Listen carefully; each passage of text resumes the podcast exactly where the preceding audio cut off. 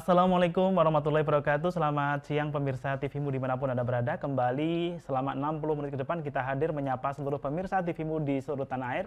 Berbincang dalam Muktamar Talk, Muktamar Muhammadiyah dan Muktamar Aisyah ke-48. Dan kali ini kita mengundang dua narasumber kita dari PCIM Malaysia dan juga PCIM dari Australia. Internalisasi gerakan dakwah Muhammadiyah digulirkan sejak kemudian Muktamar Muhammadiyah ke-47 di Makassar tahun 2015 pasca Muktamar Muhammadiyah ke-47, Muhammadiyah melakukan gerakan melakukan internalisasi di seluruh uh, penjuru dunia untuk melakukan syiar dakwah Muhammadiyah. Dan Malaysia dengan momentum berdirinya Universitas Muhammadiyah Malaysia atau UMAM dan juga Australia dengan berdirinya Muhammadiyah Australia College menjadi salah satu bentuk nyata Gerakan Internalisasi Muhammadiyah. Oleh karenanya kali ini kita mengundang dua PCIM yang akan berbincang, berbagi cerita mengenai perkembangan Muhammadiyah di Malaysia dan juga di Australia. Telah hadir bersama dengan kita dua narasumber. Pertama adalah Asosiat Prof. Dr. Sony Zulhuda, Ketua PCIM Malaysia, dan juga Bapak Hamim Zufri, Ketua PCIM Malaysia. Kita sapa beliau. Assalamualaikum Prof. Sony, apa kabar? Waalaikumsalam warahmatullahi wabarakatuh. Alhamdulillah, alhamdulillah baik Mas. Sehat. Al ya, alhamdulillah. Dan kita sapa juga ini uh, Pak Amim, Pak Amim, apa kabar Pak? Alhamdulillah baik-baik Pak Budi, Alhamdulillah. Alhamdulillah. Ini kalau di Australia kembali di Indonesia pukul kalau pukul 14.00 di Australia pukul berapa kalau Indonesia waktu Indonesia Barat pukul 14.00 Pak Amim? Sekarang waktu di Australia jam 2 siang. Jadi hmm, okay. sekitar jam 14 uh, uh, waktu Australian Standard Time. Artinya kalau di Indonesia waktu Indonesia bagian barat pukul 14, di Australia pukul 15 waktu Australia Pak Amin ya? Kalau 14 tambah 3 berarti tambah 17 berarti waktunya jam 5. Oh pukul 5 ya mohon maaf, pukul 5 sore ya kalau begitu ya. Baik kalau Betul. di Malaysia waktu Indonesia bagian barat pukul 14, di Malaysia pukul berapa? Mas ya, Sony? Kalau Malaysia ini sama dengan Indonesia bagian tengah. Hmm. Ya, jadi pukul 15 Mas, Mas Budi. Pagi jadi masih sore ya. lah ya begitu kira-kira ya, petang ya, menjelang sore. Itu. Iya, iya. Baik, uh, saya ke Prof Sony dulu ini. Uh, Mas Sony terkait dengan perkembangan kembali Malaysia PCIM-nya. Boleh dong dibagi kepada seluruh pemirsa TV-mu sejarah berdirinya PCIM sampai dengan saat ini seperti apa sih sebenarnya? Kami persilakan. Iya. Ya, terima kasih Mas Budi. PCIM ini secara resminya berdiri tahun 2007. Ya, itu waktu itu dilantik oleh Bapak Profesor Din Samsudin. Ya, saat itu beliau sebagai, beliau sebagai pimpinan uh, ketua umum pimpinan pusat. Uh, jadi sekarang sudah berjalan sekitar 15 tahun PCIM. Namun yang perlu saya sampaikan juga bahwa ber, uh, eksistensi warga Muhammadiyah di Malaysia itu sebetulnya uh, sudah ada jauh sebelum itu. Ya, dengan uh, arus migrasi kelu, uh, warga, uh, warga negara Indonesia, tentu pada saat yang sama banyak warga Muhammadiyah yang juga bermigrasi. Hmm. Nah, kalau secara komunal itu mungkin tahun 70-an akhir itu sudah ada warga-warga Muhammadiyah yang komuni membentuk komunitas berdasarkan uh, daerah asal masing-masing ya, ya. misalnya Muhammadiyah uh, tergantung kampung ataupun desa lah gitu. Nah, itu sudah sejak 70-an ya. Alhamdulillah sampai sekarang berkembang terus uh, Mas Budi dan da, apa kolaborasi antara komunitas itu dengan PCIM Malaysia. Jadi secara kultural sebenarnya sudah lama ya. Mungkin uh, awal-awal kemerdekaan Republik Indonesia juga sebenarnya sudah banyak juga ya kemudian uh, Muhammadiyah oh, secara kultural di sana ya.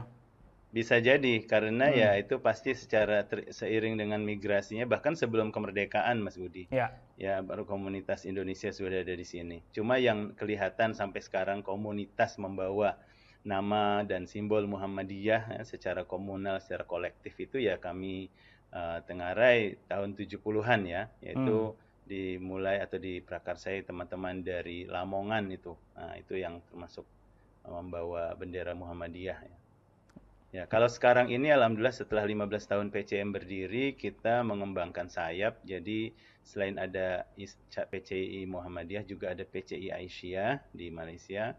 Juga eh, teman-teman mahasiswa mendirikan IMM eh, pimpinan cabang luar negeri Malaysia. Selain itu di bawah PCM kita sudah ada 10 ranting istimewa Muhammadiyah dan di bawah PCI ada 5 ranting istimewa Aisyah di Malaysia. Ya. Dan uh, kalau boleh juga disaringkan ini kalau lokasi gedung dakwah pusat dakwah PCM Malaysia sendiri di mana ini, Mas Soni? Oh ya, jadi kami sekretariat kami ada di kawasan Gombak ya. Gombak ini adalah distrik uh, di sebelah uh, Kuala Lumpur pinggiran lah. Hmm. jadi sebagai Gombak ini sebagian masuk Kuala Lumpur, sebagian masuk Selangor. Nah, jadi kami masih di perbatasan Kuala Lumpur dan Selangor. Nah, ini tapi akses dari kota sangat mudah. Jadi di Gombak itu kita uh, memiliki rumah ya ataupun masih uh, rumah kontrakan yang di yang difungsikan sebagai sekretariat dan kita sebut rumah dakwah rumah dakwah PCM Malaysia. Selain sekretariat itu juga tempat uh, berbagai kegiatan termasuk uh, PAUD Aisyah ya uh, pernah juga TPA IMM di situ dan juga berbagai pengajian pengajian yang kita lakukan di situ. Jadi dari kota Kuala Lumpur ataupun dari bandara sebenarnya nggak terlalu jauh ya, Mas Sony ya? Kalau dari pusat Kuala Lumpur hanya 5 km, 5 atau 7 hmm, gitu ya. ya. itu tergantung lewat mana.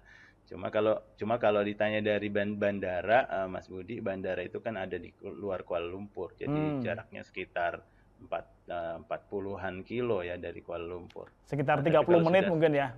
Betul, eh, tiga puluh menit kereta. Kalau uh, mobil ya 45 menit ya. Dan akses jadi, transportasi juga mudah, ya, mudah ya, Mas Sony ya? Mudah, mudah. Hmm. Ya, jadi itu uh, tempat uh, rumah dakwah kami. Namun kita juga ada beberapa um, tempat yang kita jadikan pusat kegiatan ya. dan diasuh oleh ranting-ranting yang lain gitu, termasuk di pusat-pusat kota di Kuala Lumpur. Oke, nah ini tadi kita sudah menyimak bagaimana kemudian geliat uh, sekretariat pimpinan cabang Istimewa Muhammadiyah di Malaysia di yang ada di Kuala Lumpur ya. Kalau dari kota Kuala Lumpur hanya sekitar 15 menit, tetapi kalau dari bandara sekitar 30 menit. Nggak terlalu jauh, aksesnya pun sangat mudah. Jadi kalau kemudian uh, pemirsa sekalian akan bertandang bersilaturahim ke Malaysia dan menengok PCIM Malaysia, maka tidak terlalu jauh. Dan saya kira Mas Sony dan teman sangat terbuka untuk membuka ruang diskusi, ruang dialog, dan uh, ruang kemitraan apa pun begitu ya Mas Sony ya? Alhamdulillah, Alhamdulillah. Selalu terbuka, ahlan wa sahlan. Baik, nah ini uh, nanti sebelum kita membahas lebih detail mengenai gerakan dakwah di Malaysia, kita ke Australia uh, terlebih dahulu. Pak Amim, tadi di Malaysia sudah disampaikan oleh Mas Sony terkait dengan bagaimana kemudian sejarah PCIM Malaysia secara administratif baru 15 tahun waktu itu Pak Din meresmikan, tapi secara kultural sebenarnya sudah lama. Bagaimana dengan Australia sendiri Pak Amim? Uh, terima kasih Mas Budi. Jadi uh, di Australia, eh, PCM Australia itu asalnya adalah PCM Australia dan New Zealand hmm. sebagai dua negara yang berbeda, tapi kita satukan gitu. Uh, berdiri tahun 2007, jadi hampir sama dengan di PCM Malaysia cuman waktu itu tidak banyak uh, geliat uh, warga Muhammadiyah di sini. Ada aktivitas di Sydney, di daerah New South Wales gitu. Uh, cuman belum secara resmi mendapat SK dari pimpinan pusat Muhammadiyah. Baru kemudian tahun 2010 kita mendapatkan SK yang uh, resmi dari pimpinan pusat Muhammadiyah ditandatangani oleh Pak Din Samsudin juga. Nah, uh, sampai saat ini uh, kita memiliki pusat dakwah Muhammad di Australia, PDMA, hmm. gitu, berlokasi di Narre Warren East, sekitar 20 km dari CBD Melbourne, gitu ke arah selatan. Uh, luasnya 10 hektar tanah ini dan ada uh, tempat rekreasi dan lain sebagainya uh, milik pusat uh, pimpinan pusat Muhammadiyah kemudian juga sampai hari ini alhamdulillah kita memiliki tiga uh, pimpinan ranting istimewa Muhammadiyah. Satu di uh, Sydney, yaitu membawahi negara bagian New South Wales. Kemudian uh, membawahi negara bagian Queensland di Brisbane. Kemudian yang ketiga yang baru beberapa tahun lalu berdiri, yaitu di uh, Canberra sebagai uh, Australian National Capital. Nah, eh, sedang kita rintis untuk di daerah eh, Perth Jadi ini uh, masih dalam proses. Alhamdulillah uh, semakin hari banyak kegiatan-kegiatan uh, yang dilakukan oleh baik pimpinan cabang istimewa Muhammadiyah uh, yang berbasis di Victoria, di ibu kota Victoria yaitu Melbourne, kemudian juga uh, baik di juga di wilayah Prim. Hmm. Begitu Mas Budi. Pak Amim, uh, tadi di awal disampaikan bahwa PCM Malaysia, PCM Australia ini juga sekaligus menjadi bagian dari PCM uh, New Zealand ya. Apakah saat ini juga masih berlangsung Pak? Atau sudah ada pemisahan antara PCM New Zealand sendiri kemudian PCM Australia? Sejak dikeluarkannya uh, keputusan pimpinan pusat Muhammadiyah nomor 118 itu, kita sudah secara resmi terpisah karena hmm alasan geografis, alasan jarak sehingga nggak memungkinkan untuk bisa digabung sehingga dengan SK itu secara resmi berdiri hanya PCIM Australia. Oke, ya artinya sudah ada dua PCIM ya, yang kemudian PCIM eh, New Zealand dan PCIM Australia. Pak Amim sendiri menjadi ketua PCIM yang keberapa, Pak?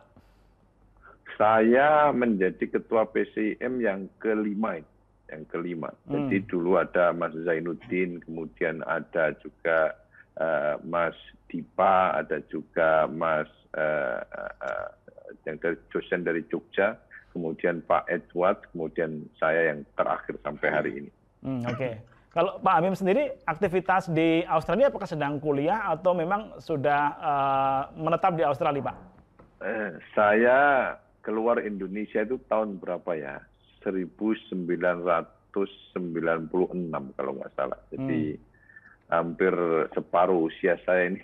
Sudah di Australia ya? saya habiskan di luar. Jadi ke Sydney, pindah ke sana karena alasan kerja. Dan sejak tahun uh, 2007, uh, saya pindah ke Melbourne di wilayah Victoria, Australia ini.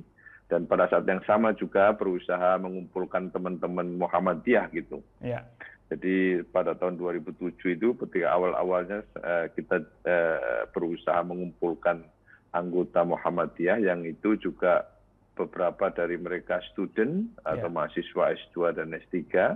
Kemudian ada juga mulai banyak ternyata orang uh, uh, yang telah telah permanen tinggal di Australia ini uh, yang punya latar belakang Muhammadiyah. Dari situ kemudian kita kumpulkan pelan-pelan ternyata banyak keluarga-keluarga yang telah menjadi penduduk tetap di Australia ini yang punya latar belakang Muhammadiyah. Hmm. Secara kultural kalau Malaysia dan uh, Indonesia tentu ada ikatan uh, kebudayaan juga ya masing-masing memang kemudian dekat dengan uh, budaya Melayu juga. Nah kalau Australia dengan Indonesia tentu agak berbeda. Pak Amin bisa bercerita bagaimana kemudian Muhammadiyah hadir uh, awal di Australia Uh, seperti apa, Pak? Jadi memang eh, Australia ini secara budaya eh, banyak beririsan dengan eh, European culture. Hmm. Jadi budaya Eropa, budaya masyarakat Barat itu kental sekali di sini. Secara Australia itu tahun 2000 eh, tahun berapa? 1788. Jadi abad ke-17 itu mereka uh, masih tidak banyak orang, uh, bahkan tidak ada satupun orang Eropa di sini. Yeah. Banyak kan adalah orang uh, penduduk asli yang disebut dengan uh, suku aborigin. Setelah tahun 1788 datang satu kapal pertama dari uh, Inggris yang mendarat di sini. Sejak itu migrasi besar-besaran dari orang kulit uh, putih dari daratan Eropa masuk ke Australia. Dari situ kemudian banyak uh, di daerah-daerah pinggiran uh, pantai dari coastal area uh, datang dan kemudian uh, menjadi apa uh, uh, penuh di daerah-daerah coastal itu. Hmm. Nah, Islam datang pada abad uh, ke-18 menurut terakhir dan itu di uh, menurut uh, apa namanya uh, apa namanya uh, rekod dari uh, Australian Museum gitu. Nah itu juga dibawa salah satunya adalah dari uh, masyarakat uh, Makassar yang mencari tripang, hmm. yang mencari tripang sampai ke arah Darwin. Kemudian terjadi uh, pernikahan dengan lokal setempat dan lain sebagainya gitu. Nah memang uh, dari sisi budaya sangat berbeda dengan Indonesia. Uh, budaya Barat betul-betul kental di sini. Jadi uh, meskipun sekarang akhir-akhir ini migrasi besar-besaran dari daratan Asia sudah mulai banyak. Tapi menemukan masjid, menemukan Islamic Center 20 tahun yang lalu itu sulit sekali. Sulit sekali ya. Tidak banyak karena jumlah orang Muslim di sini sangat amat terbatas gitu. Baik. Uh, itu yang jadi tapi saya kira dengan hadirnya Muhammadiyah memberi warna yang baru bahwa Muhammadiyah ini adalah organisasi yang cukup lama berdiri di Indonesia dan itu punya apa namanya uh, ikatan uh, terutama pada uh, para pemimpin politik di Australia ini mereka banyak tahu tentang Muhammadiyah di Indonesia dan juga para imam-imam di masjid-masjid di Australia ini, misalnya apa namanya Presiden Australian Islamic Council of Imam ini juga sering ke PP Muhammadiyah. Baik, terima kasih Pak Amim. Nanti kita akan kembali berbincang dengan dua narasumber kita yang kali ini mewarnai Muktamar Talk untuk edisi yang ketujuh. Nanti kita akan berbincang kembali dengan narasumber setelah break atau jeda yang akan lewat uh, sebentar lagi. Kita kembali saat lagi.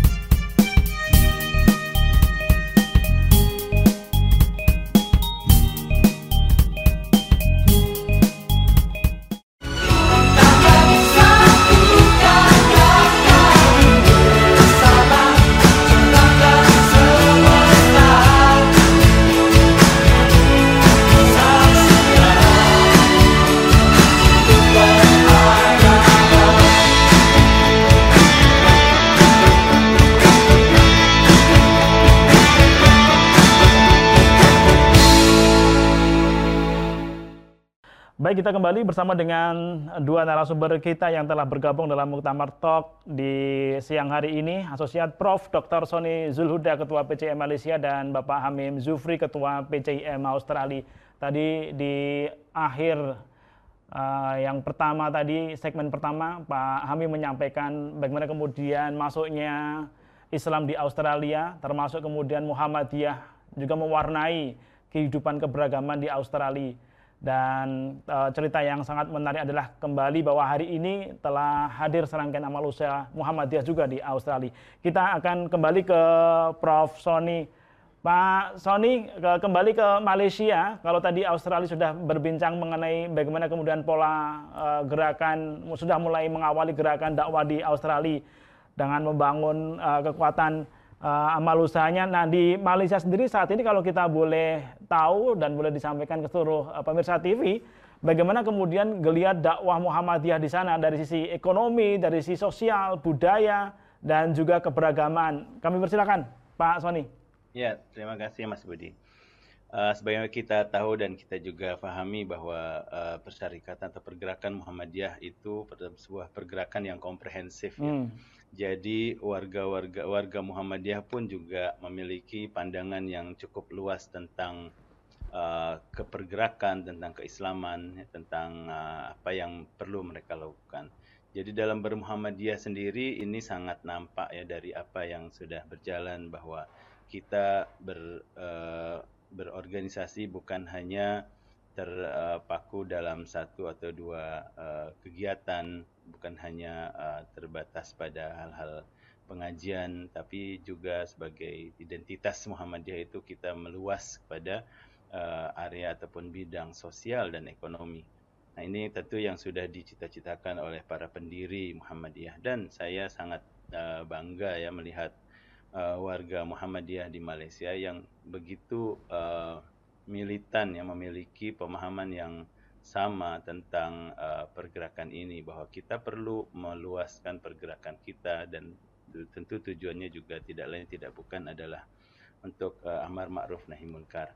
Uh, dalam pemahaman seperti itu maka PCIM itu bergerak dan terus bergulir Mas. Ya, jadi dari awalnya tentu tidak banyak kegiatan yang dicanangkan dimulai dengan ya sekedar uh, sebatas pengajian lalu hmm. konsolidasi organisasi dan ketika kita mulai melihat ya uh, apa uh, aset ataupun kekuatan kita maka kita mulai eksplorasi nih apa yang bisa kita lakukan.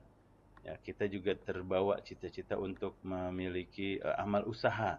Walaupun di dalam ADART PCIM itu uh, tidak uh, diharuskan uh, ya untuk memiliki amal usaha. Itu salah satu karakteristik uh, cabang istimewa di di luar namun uh, secara genetik itu kawan-kawan ya. merasa kok kalau kita tidak punya amal usaha tuh kok kayaknya belum berasa belum kurang ya komplit gitu ya padahal kita boleh dikatakan di luarnya punya berbagai keterbatasan ya keterbatasan hmm. uh, finansial keterbatasan leg, uh, legitimasi keterbatasan uh, networking dan boleh dikatakan sekarang nih 90% demografi PCM Malaysia adalah pekerja migran ya, ya. yang tentu uh, dan ini cukup banyak sebenarnya ya kalau kita hitung ya, ya Pak Sony ya. ya. Betul betul Mas Budi. Boleh kalau bilang di Kuala Lumpur saja kita bisa punya uh, 2000 warga ya. Dan itu 90 persennya migran, pekerja migran. Termasuk yang terkenal sektor. adalah ini ya, teman-teman dari saudagarnya Lamongan ini ya. Oh iya. Jadi Jawa Timur itu banyak mas, mulai dari Lamongan, Gresik, uh, lalu uh, Ketuban, uh, Surabaya. Nah itu banyak di antara yang memperkuat ya hmm. PCI Malaysia. Namun dalam skala lebih sedikit itu ya dari berbagai daerah ada semua, mulai dari Sumatera, Jawa dan dan selebihnya itu ada. Nah itulah jadi kita melihat wah PCM ini harus melakukan sesuatu yang lebih lebih gitu ya lebih bermakna dan tujuannya satu untuk memperkuat organisasi itu sendiri hmm. supaya sustainable gitu loh. Ya. Jadi ada kegiatan kita punya uh, basis. Maka di antara ini juga berkahnya pandemi kemarin ya setelah kita uh, mendapatkan apa dana dari uh, beberapa lembaga termasuk Lazismo uh, untuk membantu teman-teman yang terkendala karena pandemi, karena lockdown ya. Di situ juga kita mulai um, mengumpulkan dana untuk pemberdayaan. Nah, jadi pada tahun 2020 ketika uh, dunia sedang tiarap ya, pekerjaan itu sedang mandek ya dan banyak TKI atau PMI kita yang uh, diliburkan. Hmm. Nah, di situ kita tergerak, yuk kita buka satu amal usaha yang mudah-mudahan bisa membantu sedikit banyaknya membantulah yaitu kita bikin restoran. Oke. Okay. Nah, jadi tahun 2020 lah kita buat restoran uh, kita secara resmi milik PCIM dengan nama Warung Soto Lamongan atau disingkat Wasola. Nah, Dan itu ada di Kuala Lumpur ya? Ya, itu di Kuala Lumpur Mas Budi, di pusat kegiatan pusat kota. Jadi kira-kira kalau kita bertandang ke PCIM Malaysia, suguhannya salah ya. satunya ya. adalah warung soto itu. Ya, untuk warga Muhammadiyah terutama Mas Budi kalau ke KL belum mampir ke warung soto Lamongan itu nggak komplit. Itu tidak, itu bagian malam tanpa komplit. bintang ya kalau sampai belum ngicipi soto di situ ya. Katanya kalau ada orang pergi ke Medan belum mampir ke salah satu toko durian itu katanya belum komplit. Ya, nah, ini sama juga. Betul. Kalau ke KL belum mampir ke warung soto Lamongan, apalagi warga Maundian nah, itu belum komplit. Oke, ya, alhamdulillah tapi, jadi itu mas ya. dua tahun, hampir dua tahun kita hmm. jalani itu ya paling tidak kita memberi semangat walaupun belum ideal, tapi secara uh, institusi atau secara apa entitas sudah resmi sebuah bisnis yang dijalankan oleh kita. Namun kita sambil belajar. Walaupun kadang harus dipaksa bagi bayi yang dipaksa berjalan, dipaksa berlari, tapi kita jalani setidak-tidaknya walaupun belum ideal keadaannya kita punya harapan kita punya harapan nah, itu setiap kita punya pemasukan walaupun hmm. belum banyak gitu tapi kita punya harapan kita punya jalan yang lebih panjang untuk memperbaiki ke depan ya nah, Pak, itu untuk yang ekonomi. Oke Pak Sony ya. jadi kira-kira uh, program-program atau kegiatan-kegiatan rutin yang diselenggarakan oleh PCM Malaysia beserta dengan ranting Muhammadiyahnya dan juga beserta dengan cabang istimewa Aisyahnya apa saja Pak?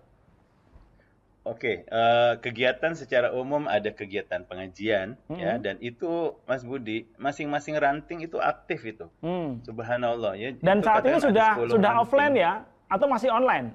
Ah ya sudah offline alhamdulillah. Semenjak offline. Uh, Ramadan sudah mulai dilonggarkan. Mm -hmm. Jadi kita bikin peng, uh, terawih keliling dan itu sebenarnya kalau sudah semua ranting aktif ya kita nggak ada nggak ada istirahatnya. Hmm. hampir dikatakan gitu.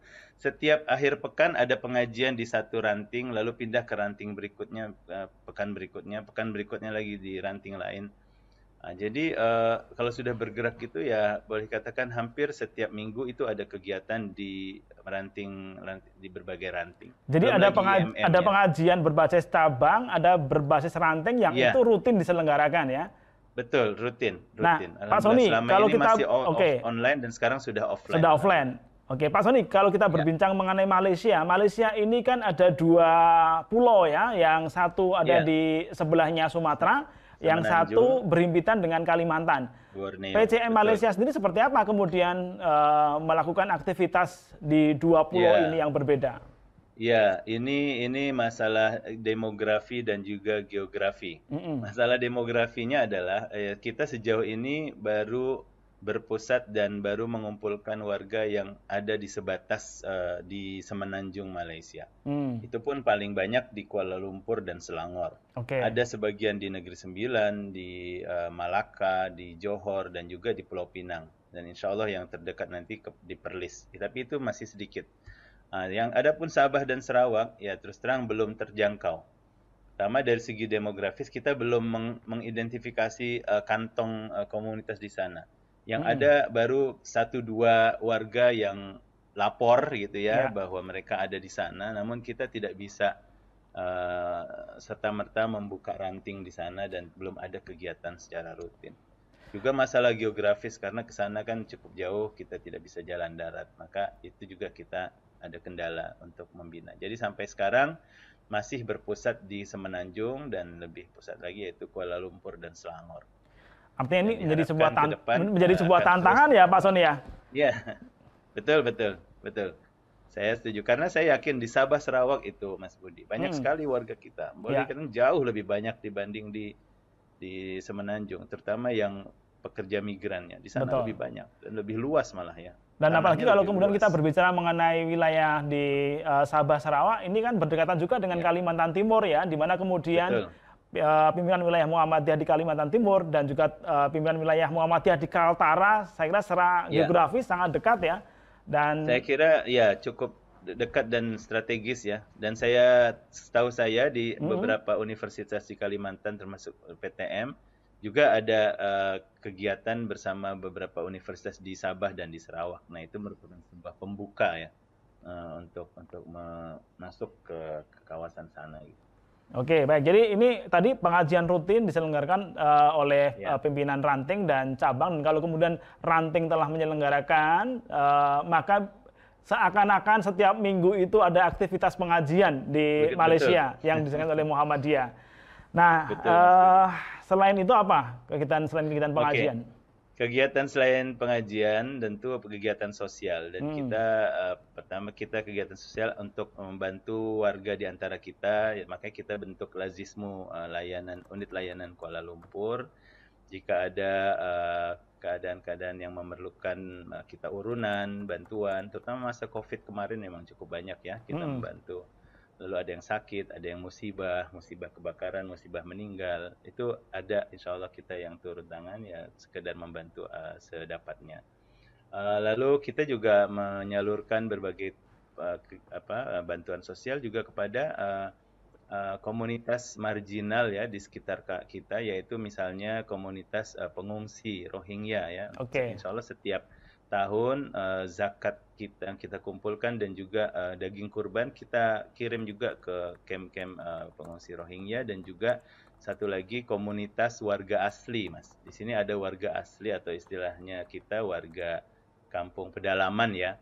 Nah itu sebagian udah muslim sebagian belum muslim. Nah kita ada beberapa aktivis kita yang punya hubungan dekat jadi kita bisa salurkan Eh, bantuan-bantuan uh, sosial itu. Oke. Okay. Nah itu selain kegiatan sosial ada kegiatan pendidikan dan pemberdayaan. Di sini kita lakukan eh, kursus-kursus uh, uh, dari kita untuk kita. Ya saya kasih contoh.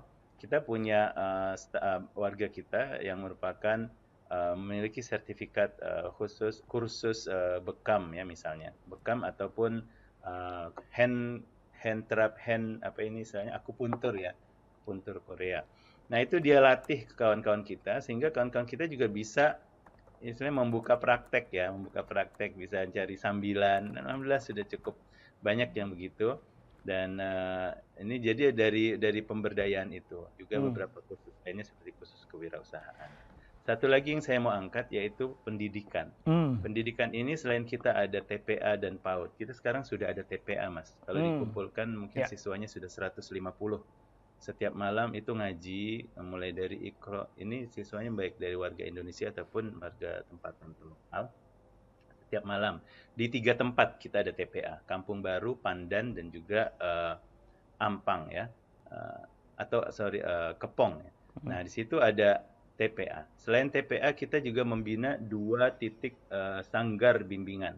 Sanggar bimbingan ini adalah semacam homeschooling buat anak-anak okay. yang tidak bisa sekolah Nah, kebanyakannya ini anak-anak warga kita yang dokumennya bermasalah. Jadi tidak berdokumen sehingga tidak bisa sekolah. Ada umur 10 tahun belum bisa baca. Jadi kita remedial terus. Alhamdulillah. Sekarang itu totalnya sekitar 60 anak masuk dalam SB kita. Sanggar Bimbingan Muhammadiyah ada di dua tempat. Nah, ini kita koordinasinya sama atas pendidikan dan kebudayaan Kedutaan Besar Republik Indonesia di KL. Oke, jadi artinya kolaborasi ini, dengan uh, kedutaan ya, besar, kolaborasi juga betul. dengan pemerintah lokal juga dilakukan ya untuk melakukan gerakan-gerakan uh, dakwah uh, baik itu sosial, iya. keumatan yeah. maupun juga uh, dakwah-dakwah ekonomi tadi ya, Pak Sony ya. Betul, baik, Mas Budi. Pak Sony terima kasih. Uh, nanti kita iya. akan yeah. break dulu dan di segmen ketiga nanti kita akan berbincang dengan Pak Hamim untuk membahas serupa uh, gerakan dakwah sosial, ekonomi dan kemanusiaan karena Muhammadiyah sangat dekat dengan implementasi gerakan kemanusiaan. Maka nanti di segmen ketiga kita akan berbincang dengan Pak Hamim Zufri PJM Australia. Jangan ke mana-mana kita akan kembali selepas break yang satu ini.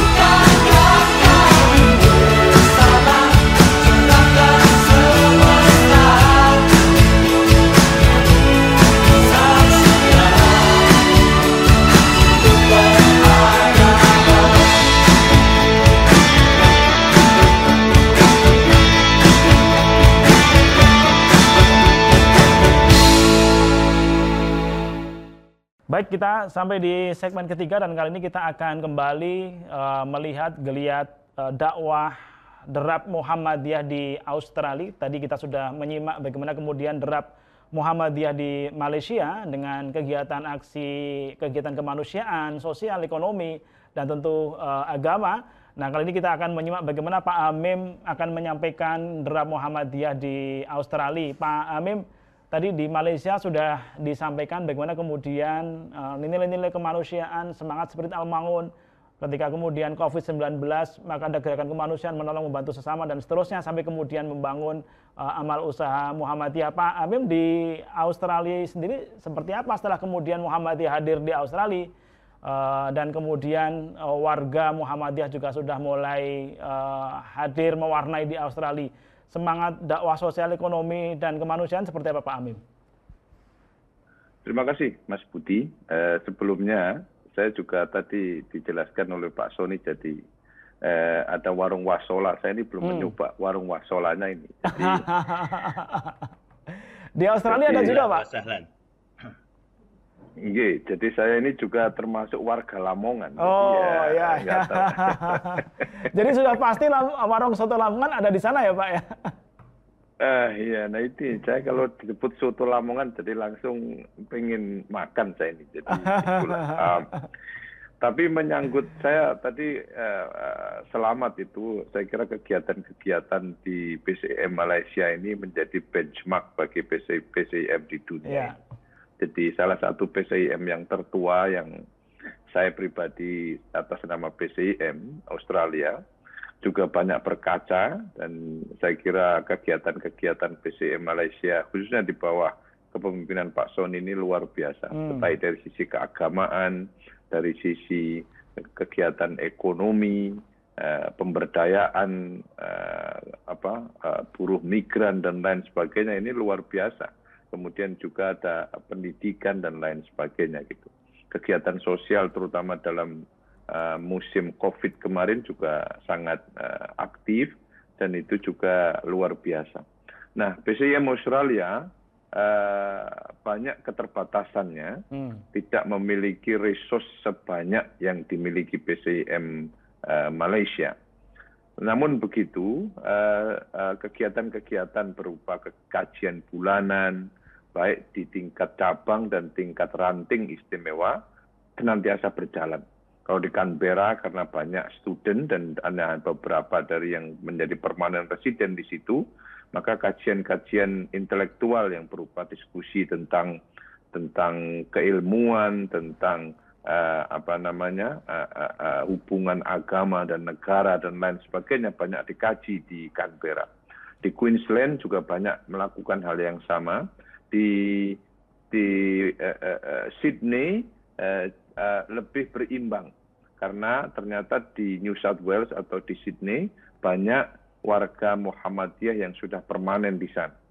Di Victoria demografinya hampir sama dengan Sydney, yaitu banyak orang-orang yang sudah memilih tinggal di sini yang sudah puluhan tahun di uh, Australia yang memiliki latar belakang Muhammadiyah datang dan perginya mahasiswa uh, tidak cukup berpengaruh karena aktivitas di kedua tempat ini uh, lebih stabil. Tapi kalau di Canberra dan juga di Queensland banyak tergantung dengan kedatangan mahasiswa. Kegiatan-kegiatan keagamaan seperti kajian bulanan kemudian tetap berlangsung, tidak saja untuk menambah wawasan keagamaan dan banyak hal yang kita lakukan terutama kembali kepada putusan tarjih. Jadi kajian-kajian putusan tarjih ini eh, sedang kita usahakan eh, di samping kegiatan-kegiatan eh, untuk membahas tentang topik-topik lain ya. keagamaan. Dari sisi ekonomi barangkali tidak banyak yang dilakukan uh, untuk memberdayakan karena mungkin settingnya berbeda dengan teman-teman di Malaysia. Okay. Kita tidak punya buruh migran di sini, jadi semuanya sudah menetap di sini dan banyak student yang kemudian uh, bekerja secara part-time. Namun dari sosial, ini uh, banyak sekali yang kita lakukan sebagai bagian integral dari komunitas Australia. Misalnya di Australia ini ada Clean Up Australia Day Jadi hari-hari bersih Australia, hari Hmm. bersih-bersih Australia. Itu Gitu. programnya pemerintah ya, Muhammadiyah Pak? ikut. Ini program pemerintah, program nasional pemerintah. Jadi semua komunitas diharapkan untuk pergi ke pantai, mengambil kotoran kalau ada, ke jalan dan lain sebagainya. Jadi Australia uh, uh, uh, clean up day. Jadi itu yang salah satu yang kita ikuti. Kemudian juga ada kegiatan-kegiatan orang yang kurang beruntung, misalnya untuk homeless ada beberapa uh, segmen di uh, komunitas di CBD, Central Business uh, District di Melbourne atau di tempat-tempat lain yang itu menjadi kantong-kantong orang yang uh, memilih untuk homeless. Mereka bukan tidak uh, mampu karena mereka di, tetap diberi uh, uh, uh, uang oleh pemerintah untuk bisa hidup tapi biasanya menjadi korban daripada domestic violence atau ada karena drugs dan lain sebagainya. Nah, eh, PCIM terlibat dalam kegiatan-kegiatan sosial seperti itu, memberi makan, menyediakan hot meal kepada mereka sambil berdakwah. Karena kalau uh, mereka melihat yang menyediakan itu orang Muslim, uh, ada Muslimah yang Hmm. pakai jilbab, itu juga menjadi bagian dakwah yang uh, lebih efektif dakwah bilhal kita sebutnya. Jadi tidak harus memberikan lecture kepada mereka gitu. Yang yang lain juga kita menerima apa banyak orang untuk belajar Islam. Jadi saya pribadi atas nama PCM dan juga teman-teman di sini eh, menerima banyak pertanyaan tentang eh, apa itu Islam, uh, bagaimana the tenet of Islam, how to become Muslim, dan pertanyaan-pertanyaan dasar seperti itu. Kemudian, uh, alhamdulillah tidak sedikit dari mereka ini yang kemudian uh, convert menjadi Muslim. Hmm. Asalnya barangkali ateis, asalnya barangkali Katolik yang tidak percaya kepada uh, ketuhanan Yesus dan lain sebagainya. Jadi sedikit berbeda dengan uh, apa setting di Malaysia. Hmm. Kemudian masa pandemi kemarin juga kita melakukan kegiatan sosial tidak saja di Indonesia uh, seperti tadi dengan Pak Budi menyediakan Ya, apa tabung oksigen. oksigen Hmm. juga kemudian bencana-bencana kemarin di Sulawesi dan lain sebagainya itu bagian atau ikhtiar dari kita untuk menyambungkan tali dengan Indonesia. Di kini di sini juga dakwah bilhal juga kita lakukan secara sosial ini. Uh, kita kemarin ibu-ibu Aisyah itu menyelenggarakan untuk apa namanya uh, kegiatan yang membantu mereka o- orang tua usia lanjut. Jadi di sini itu hidupnya individualistik banget Mas Budi. Hmm, Jadi ya, ya. tetangganya ini nggak kenal. Saya nggak tahu siapa nama tetangga saya ini. Hmm. Saya juga tahu nama tetangga sebelah kanan kiri saya. Saya tidak tahu, hanya beberapa yang tahu. Jadi apa yang terjadi di tetangga itu kita nggak banyak tahu, gitu. Jadi eh, sangat individualistik sekali. Karena itu Aisyah, ibu-ibu Aisyah kemarin mengarrange untuk mendelivery package gitu. Ya ada makanan, ada flyer, ada ini dan sebagainya. Bagian daripada bentuk dakwah bilhal itu. Nah, kemudian juga dilakukan kegiatan-kegiatan lain yang uh, dirangkum dalam kegiatan lebih efektif, misalnya uh, ibu-ibu yang melahirkan uh, kita set up untuk apa uh, support dari uh, PCIM ataupun Hmm. PCIA. Jadi all in all, secara umum kegiatan-kegiatan sosial sebagai uh, apa namanya uh, fungsi sosial Muhammadiyah Australia di sini sangat berjalan dan uh, dari hari ke hari semakin bertambah. Alhamdulillah. Pak Mim, eh, apa yang membedakan antara basis eh, masyarakat student dengan basis masyarakat yang eh, buruh migran ya? Kalau Malaysia kan tadi sangat kental dengan kehadiran buruh migran, sedangkan di Australia ini kental dengan kehadiran student. Apa yang membedakan dan strategi apa yang kemudian dilakukan oleh PCM Australia untuk kemudian eh, mewarnai, membumikan eh, dakwah Muhammadiyah di Australia? Kalau untuk uh, perbedaannya barangkali karena mereka belajar di sini ya. Mereka utamanya adalah mereka belajar di sini. Jadi tinggal baik S2 sementara lalu balik S3. kembali ke Indonesia ya kalau yang student ya Pak? Ya, betul. Mereka akan kembali ke Indonesia Mhm. dan akan apa namanya beraktivitas kembali di Indonesia. Mereka tinggal di sini barang dua tahun. Kalau PhD mungkin sampai empat eh, tiga sampai empat tahun. Hmm. Nah, berbeda sekali dengan buruh migran yang memang tujuannya mencari nafkah di sana. Ya.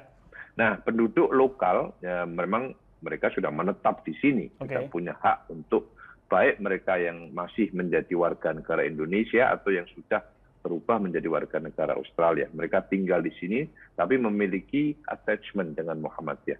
Nah, yang student itu barangkali karena ini yang sedang uh, sering kali kami uh, utarakan. Mereka belajar di sini, tapi juga tidak belajar dari secara tekstual saja. Uh, mereka kita encourage untuk bisa bekerja di sini, sehingga mereka mengalami kultur kerja itu. Saya kira sebagian besar uh, uh, pekerjaan di Australia ini menuntut profesionalitas. Profesionalitas itu tidak harus kita asosiasikan dalam konteks kantor atau atau uh, begitu. Jadi hmm. uh, profesionalitas dan skill yang apa pun selama kita kerjakan secara baik dan profesional dengan skill yang kita miliki, maka itu sangat dihargai. Gitu. Maka jangan heran para pekerja kantor seperti kami-kami ini itu bayarannya lebih rendah daripada orang yang membersihkan toilet misalnya. Hmm. Jadi orang yang me, me, apa, kalau ada kebocoran di toilet itu dan lain atau ke, ya. kebocoran di tempat kamar mandi dan lain hmm. sebagainya itu gajinya bisa luar biasa hmm. karena orang uh, dihargai dengan skill yang mereka miliki tidak harus dengan uh, apa namanya uh, white collar pekerja begitu jadi jadi maka tidak sedikit para lulusan SMA di Australia ini yang uh, memilih kalau di sini disebut jalur TAIF. Jadi tidak yeah, semua yeah. mereka lulusan ke, ke universitas karena kebutuhannya tidak selalu di universitas. Yeah. Uh, hampir 50% mereka ini memilih jalur TAIF. Jadi hmm. mereka menjadi uh, apa? Uh, uh, kerja di konstruksi bangunan, yeah. ada yang kerja jadi montir, yeah. ada yang kerja jadi jadi lebih ke arah apa namanya profesi-profesi yang uh, hands on begitu. Itu kalau di Indonesia. Nah, jadi dengan struktur itu. Itu kalau di Indonesia SMK dan STM ya kira-kira ya basis sekolah menengahnya ya. Mungkin tidak karena hmm. di sini tidak ada SMK kejuruan gitu ya. Jadi iya, jadi setelah lulus SMA baru mereka diberikan semacam apa ada sekolah namanya TAIF jadi ya. higher education tapi lebih ke arah praktikal dan tidak ke arah universitas. Baik, terima kasih Pak Amim. Nanti kita akan kembali berbincang dengan Pak Amim dan juga kita akan berbincang uh, dengan uh, Malaysia terkait dengan uh, geliat dakwah Muhammadiyah di Malaysia dan juga di Australia. Masih bersama dengan Profesor Dr. Sony Juluda dan Pak Amim Jufri. Kita akan kembali selepas iklan yang satu ini.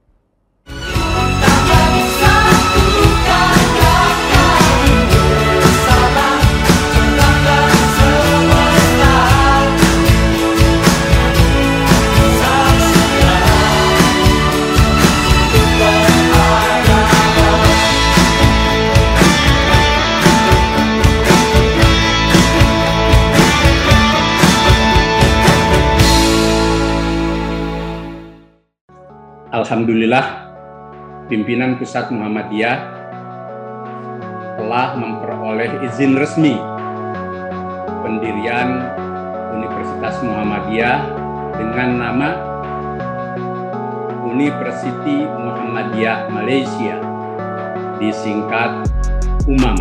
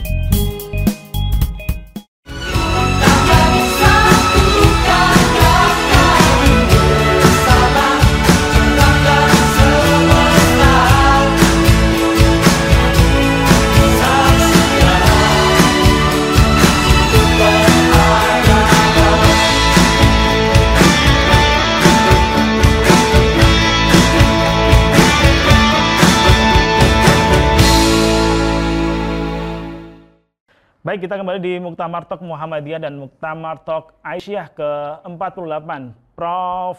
Yufri, ini kita uh, kembali uh, berbincang tentang Malaysia digitalisasi dakwah Muhammadiyah. Tentu tantangan geografis ada dua pulau dan satu kepulauan pun juga uh, terdapat uh, jarak yang sangat uh, jauh saya kira ya. Nah, bagaimana kemudian uh, perkembangan digitalisasi dakwah Muhammadiyah di uh, PCM Malaysia dan juga kita yang tunggu nih uh, Prof Sony, mohon Prof Sony terkait dengan uh, Malusa Muhammadiyah yang saya kira sudah sangat dikenal di Indonesia yaitu UMAM University Muhammadiyah Malaysia. Prof uh, Sony, kami persilakan. Ya. Terima kasih Mas Budi. Yang pertama tentang digitalisasi. Ya menurut saya ini sudah sebuah fenomena yang memang lazim dan uh, yang sebuah uh, fenomena yang lazim dan niscaya ya untuk sekarang. Tidak mungkin tidak kita pasti pasti akan mengalami dan melalui dan memilih uh, uh, jalan digitalisasi. Uh, dan kita mendapatkan hikmah besar ketika pandemi Covid di mana uh, digitalisasi tumbuh begitu pesat ya dikarenakan uh, keterbatasan gerak yang dikarenakan SOP atau prosedur Covid itu sebuah hikmah uh, terbesar yang saya rasa perlu disyukuri. Kalau tidak mungkin kita masih belum terbiasa dengan webinar, belum terbiasa dengan uh, apa Google Drive atau apa saja hmm. sistem cloud yang ada. Jadi dalam konteks PCM sendiri kita mencoba memanfaatkan ya uh, teknologi digital ini dengan se uh, maksimal mungkin dalam konteks yang sesuai dan diperlukan oleh PCM. Uh, misal contoh kita akan kita telah memaksimalkan penggunaan media sosial yang uh, digunakan untuk mendiseminasi uh, berbagai kegiatan dan juga uh, informasi terkait perkembangan PCIM. Kita ada semua menggunakan semua media yang ada mulai dari Facebook, Instagram, Twitter dan juga blog kita kita kita aktifkan. Lalu komunikasi yang selama ini pun menggunakan komunikasi teks uh, melalui uh, seluler itu juga kita manfaatkan. Ini tidak lain tidak bukan tujuannya agar kami bisa lebih dicapai dan di dan dijangkau uh, ya tidak hanya oleh warga kita sendiri tapi juga sesama PCIM di luar negara yang sudah ada 28 itu ya, kita cukup aktif ya saling mengupdate uh, dan juga tentu yang paling penting dengan warga kita di Indonesia. Nah, jadi ini sebuah keniscayaan yang terus kita hmm. perkuat dan kita sudah lakukan berbagai kursus uh, Mas Budi, ya. kursus kursus literasi digital, kursus fotografi melalui handphone. Itu banyak peminatnya. Hmm. Bahkan teman-teman buruh migran itu semua yang mulai asik gitu ya dan, dan mulai familiar juga ya menggunakan perangkat digital untuk ya, menerima informasi dari PCM ya. supaya supaya mereka lebih uh, uh, produktif. Jadi kita gerakkan itu kawan-kawan yang punya ikut kegiatan kita dorong untuk bikin reportase okay. melalui uh, WhatsApp. Nanti yang bagus itu saya ataupun teman-teman modif modifikasi kita masukkan ke dalam berbagai media. Nah, jadi semangat mereka. Oh, tulisannya bisa di uh, dipaparkan. Dan itu cukup ya, mengatasi ruang dan waktu ya, uh, Prof Sony ya. Betul, betul. Untuk menyambung betul. silaturahim antara PCIM dengan PRM dan yang lain ya. Betul. Kita Pak tidak Sony, ingin hmm? kehilangan informasi atau kehilangan kesempatan untuk berbagi informasi. Nah, itu, itu dia. Sama-sama penting. Oke, satu lagi nih terkait ya. dengan bagaimana sekarang UMAM, perkembangan UMAM, UMAM saat baik. ini. UMAM ya, Universitas Muhammadiyah Malaysia. Hmm. Tentunya ini adalah dari awal merupakan inisiatif uh, bapak-bapak pimpinan pusat ya di awalnya begitu sebagai refleksi atau pelaksanaan internasionalisasi Muhammadiyah dan ini di ditawarkan ataupun disampaikan ke kami PCM dan kami dalam posisi mendampingi dan ikut menyukseskan.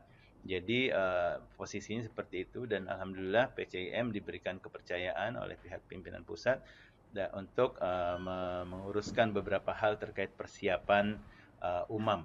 Jadi kami sangat uh, bangga dan alhamdulillah setelah akhir tahun kemarin kita sudah mendapatkan uh, surat izin resmi dari Kementerian Pendidikan yang tentu berjalan cukup panjang prosesnya. Mm -hmm. Dan uh, semenjak itu kita melakukan berbagai persiapan uh, uh, menuju eksekusi. Jadi awal itu ada bertahap, Mas Budi. Oke. Lokasinya dapat, sendiri ada di mana nih, uh, ya, Pak Sony? Lokasinya? Lo, jadi lokasinya itu adalah di Kota Perlis, Kota Kangar, ya Perlis, Perlis nama negara bagiannya, yang merupakan bagian di utara Malaysia. Ya, hmm. jadi kalau dari Kuala Lumpur itu sekitar 500 km.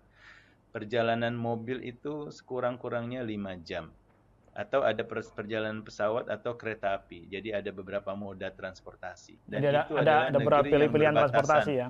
Ya, berbatasan ya. langsung dengan Thailand di utara. Hmm.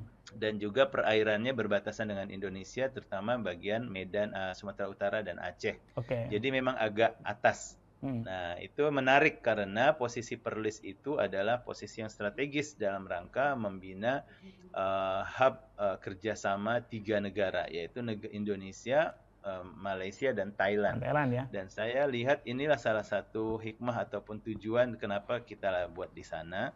Uh, sehingga kita bisa me mengcover ya area-area yang selama ya. ini kurang ter terjangkau. Jadi kira-kira uh, Prof Sony kira-kira UMAM ini akan terselenggara secara operasional kapan Baik. ini?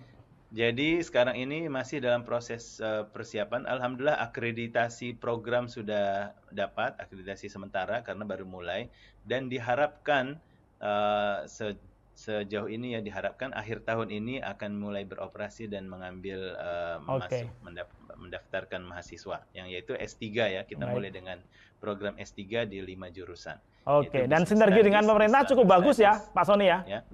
Oh iya, ini tidak mungkin tersenggara kalau tidak ada dukungan pemerintah lokal, Mas hmm. Budi.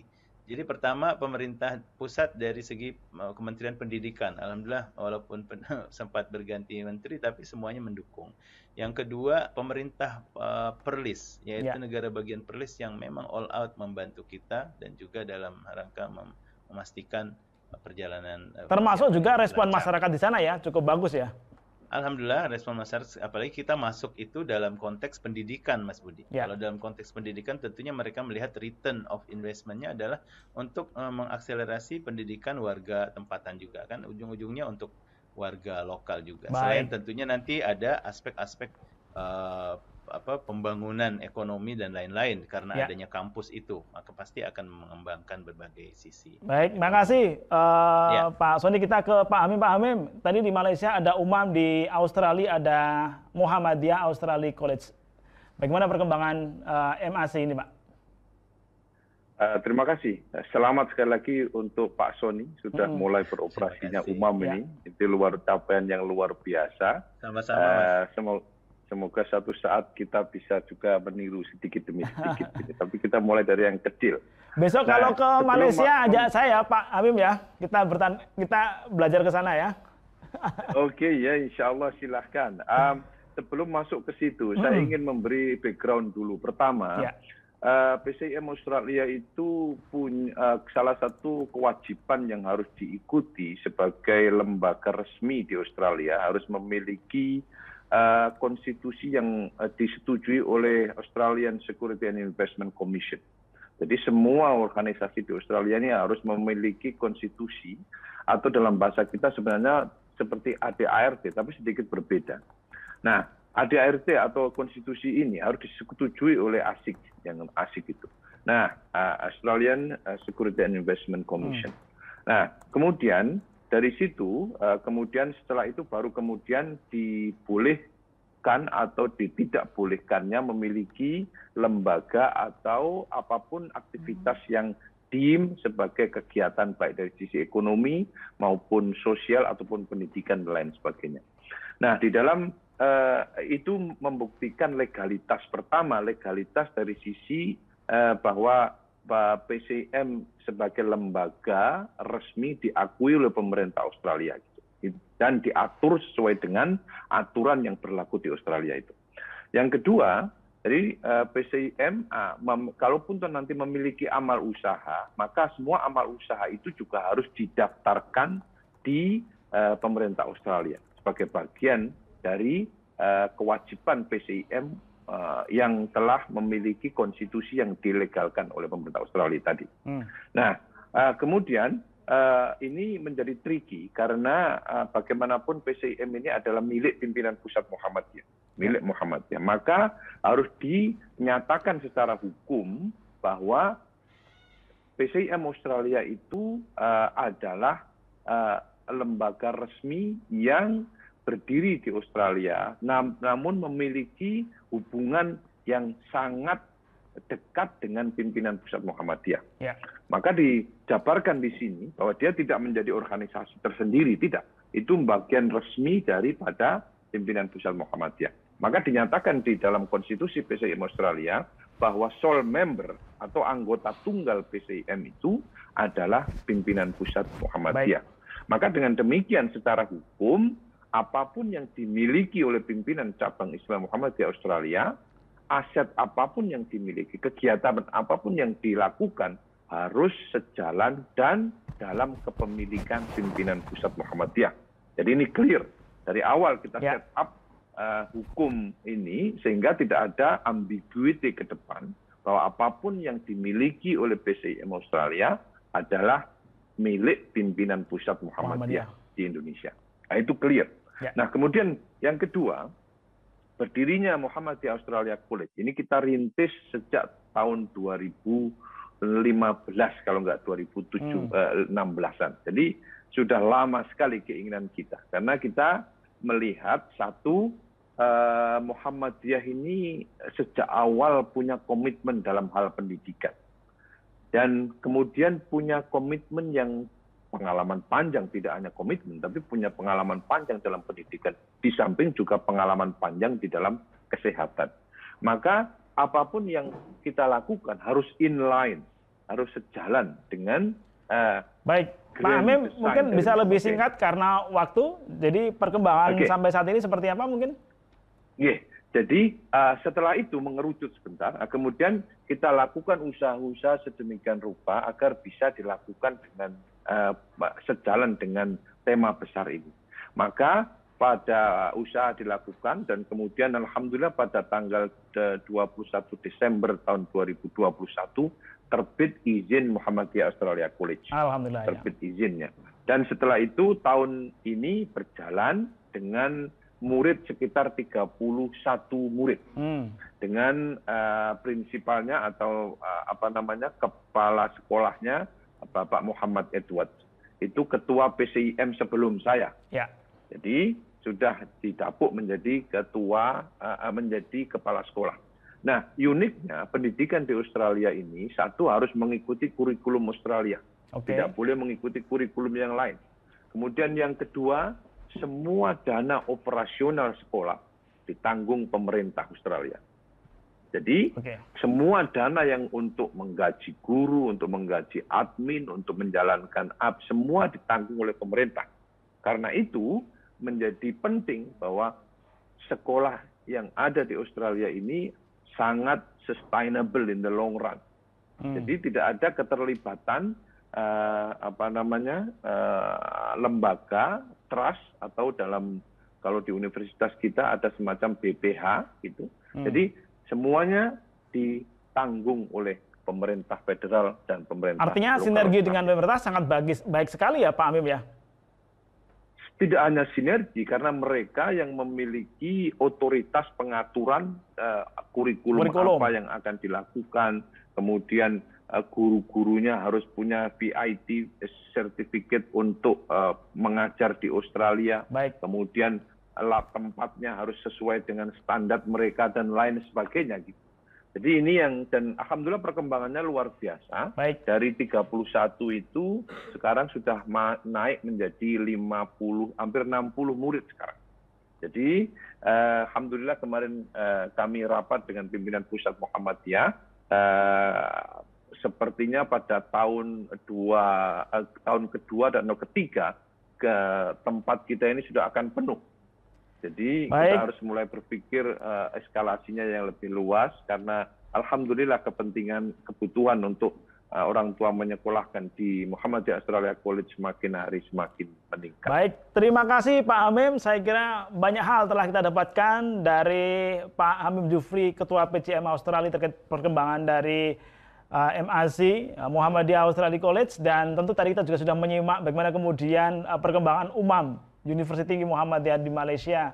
Uh, dan pemirsa sekalian saya kira sudah banyak hal. Kita mendengar bagaimana kemudian dram Muhammadiyah di mancanegara Pemirsa sekalian, kiranya demikian karena waktu juga yang misalkan kita, kita akan bertemu, berbincang kembali di Muktamar Talk episode mendatang. Terima kasih Asosiat Prof. Dr. Sony Yulhuda, Ketua PCM Malaysia. Terima kasih Bapak Hamim Jufri, Ketua PCM Australia. Sukses terus untuk geliat dakwah Muhammadiyah di Malaysia maupun juga di Australia. Kita akan bertemu lain di episode yang lain, Muktamar Talk Muhammadiyah, Muktamar Talk Aisyah. Assalamualaikum warahmatullahi wabarakatuh.